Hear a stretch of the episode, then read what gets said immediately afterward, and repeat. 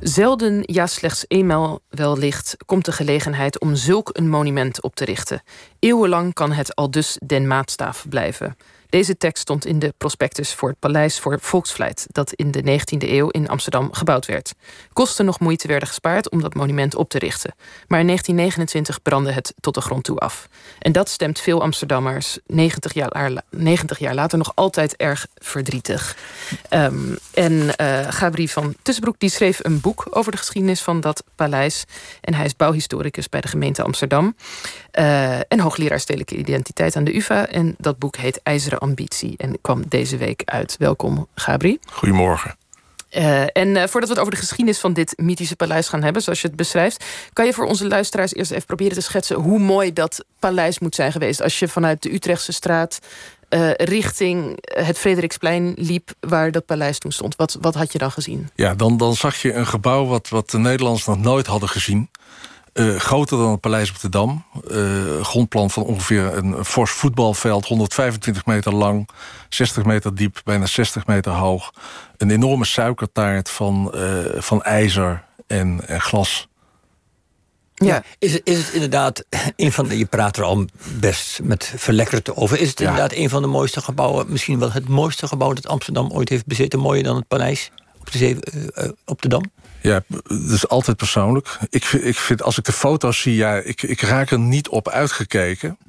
En ik merk het ook aan iedereen die foto's ziet uit die tijd in die 19e eeuw. Die kon ook nog zo prachtig fotograferen, haarscherp. En uh, je steeds weer doorkijkjes. Je, je hebt koepeltjes. Uh, de grote koepel uh, met, de faam in het midden bovenop.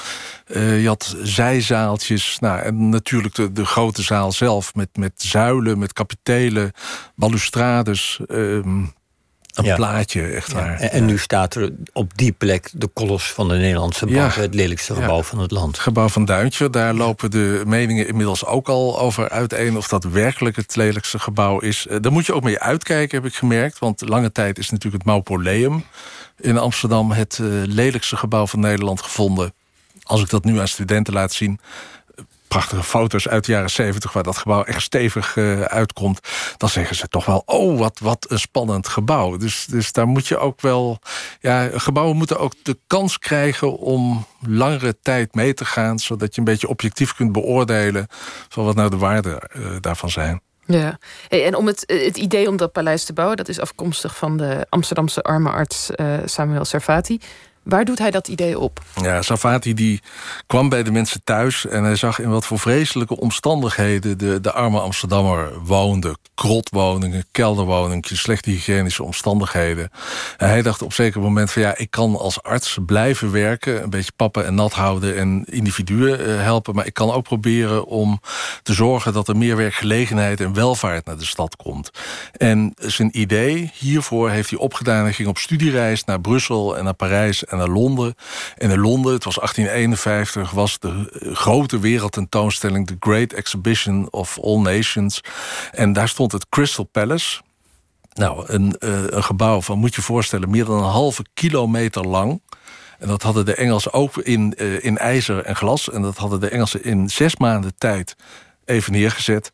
En daar waren alle uh, landen ter wereld hadden daar hun beste producten van de industrie en de nijverheid tentoongesteld.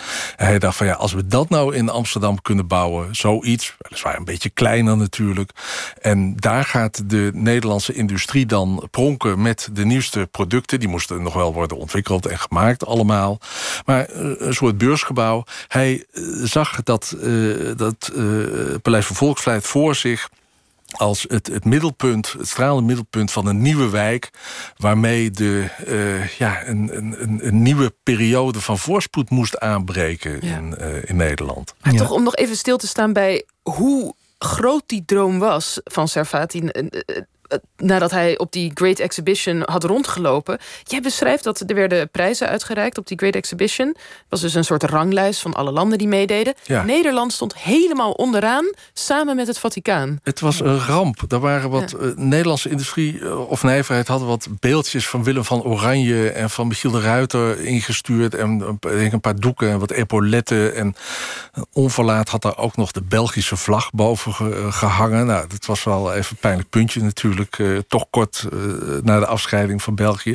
En de woede was groot. En het was niet alleen Safati, het was ook Samuel Bleekrode en anderen die op die tentoonstelling waren. Die dachten, ja, dit kan niet. We, we hebben een nieuw elan nodig. We, we, moeten gaan investeren in het land. We moeten vooruit. Ja, dit, dit, dit hoort allemaal bij het verhaal van de 19e eeuw als tweede gouden eeuw. Om maar even een term erin te gooien. Maar goed, waar ik benieuwd naar, wat, het Paleis voor de Volksvlijt, je raakte dat al een beetje aan. Het gaat om de industrie. Hoezo die naam volksvlijt? Want er zaten geen kantklossende vrouwen daar binnen eh, te bezichtigen. Nee, maar eh, volksvlijt eh, kun je zien als synoniem term voor industrie. Dus het, het, het, waren niet de kleine dingetjes, maar de, de nijverheid, volksvlijt. Gewoon wat het volk produceert. En moeten we het dan eigenlijk voor ons zien? Want we kunnen het ons moeilijk nu nog inbeelden. Ik bedoel, het gebouw is prachtig, maar mhm. de functie van het gebouw, waarmee kunnen we het vergelijken? Was dat dan. Met, met de rij. Met de rij. Ja, grote beurzen uh, moesten daar, waar, ja, waar dus producenten van alles wat interessant en nieuw en verkoopbaar is, uh, konden uitpakken. Ja, en, en om dan even een, een sprong te maken naar het moment dat het wordt geopend in 1864, mhm. heeft ook nog wel wat voeten in de aarde gehad wat jij beschrijft, ik krijg eigenlijk de indruk dat het een mislukking is. Je schrijft, het was ondoelmatig, een tochtgat... en de financiële exploitatie die liep uit op een ramp. Wat vonden de Amsterdammers daarvan? Nou, de Amsterdammers vonden het prachtig. Ondanks dat, kijk, die, die Engelsen die hadden in zes, zes maanden tijd... een gebouw van een half kilometer. In Amsterdam hadden we zes jaar nodig gehad... voor een gebouw van 125 meter. Uh, er was geen grote tentoonstelling gepland bij de opening. Men kwam er ook achter van ja, om dat gebouw te vullen... zoals Safati had gewild, dat lukte helemaal niet. Dus er moest al heel snel... Uh, er kwam een orkest, er kwam een theaterzaal. Allerlei ja, leuke dingen, een rolschaal schaatsbaan. Uh, vrouwenworstelen werd er georganiseerd. Allemaal dingen waar, waar Safati, de arme man, is 53 geworden. Is in 1866 al overleden. Hij zou zich hebben omgedraaid in zijn gaf. Maar als Amsterdammer natuurlijk veel leuker dan, dan industrie tentoonstellingen. Ja, ja, Zo'n job van de ende product eigenlijk. Amsterdammers kwamen er graag. Dat zie je ook toen het afbrandde. Duizenden mensen kwamen daarop af. En die hadden helemaal geen boodschap aan het feit... dat de, de financiële exploitatie al die 65 jaar een grote ramp is geweest. Ja, je noemt het woord afbranden. Hoe, hoe, hoe kan het eigenlijk dat het afbrandde? Ja, er werd altijd... Wanneer, en wat gebeurde er?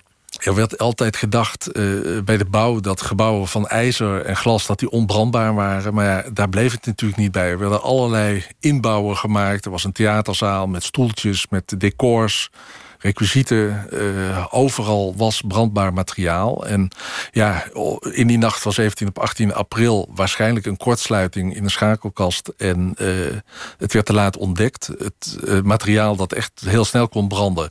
dat stond in lichte laaien. En als een, ook een ijzeren constructie, als die te warm wordt ja, dan verliest het ijzer zijn stevigheid. Dus die, die, die spanten die zijn gewoon verbogen, ingestort. Er was geen redder meer aan.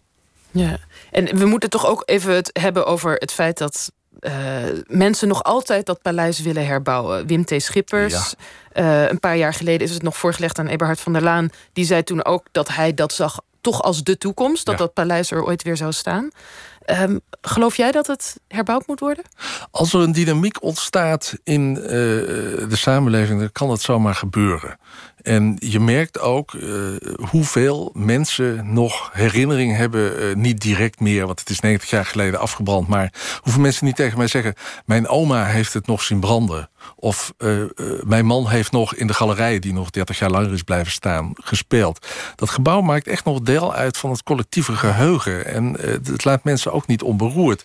Daarom ook dat het verhaal van Wim T. Schippers telkens weer, dat doet hij zelf natuurlijk ook uh, een hoop aan.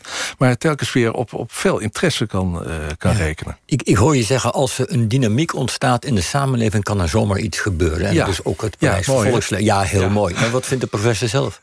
Nou, ik ben daar heel... Uh, ik probeer bij dit soort discussies altijd het hoofd een beetje koel te houden. Want ik weet dat je bij reconstructies heel erg twee kampen krijgt. Voor en tegen... en ik, ik, maar wat zeg je hart?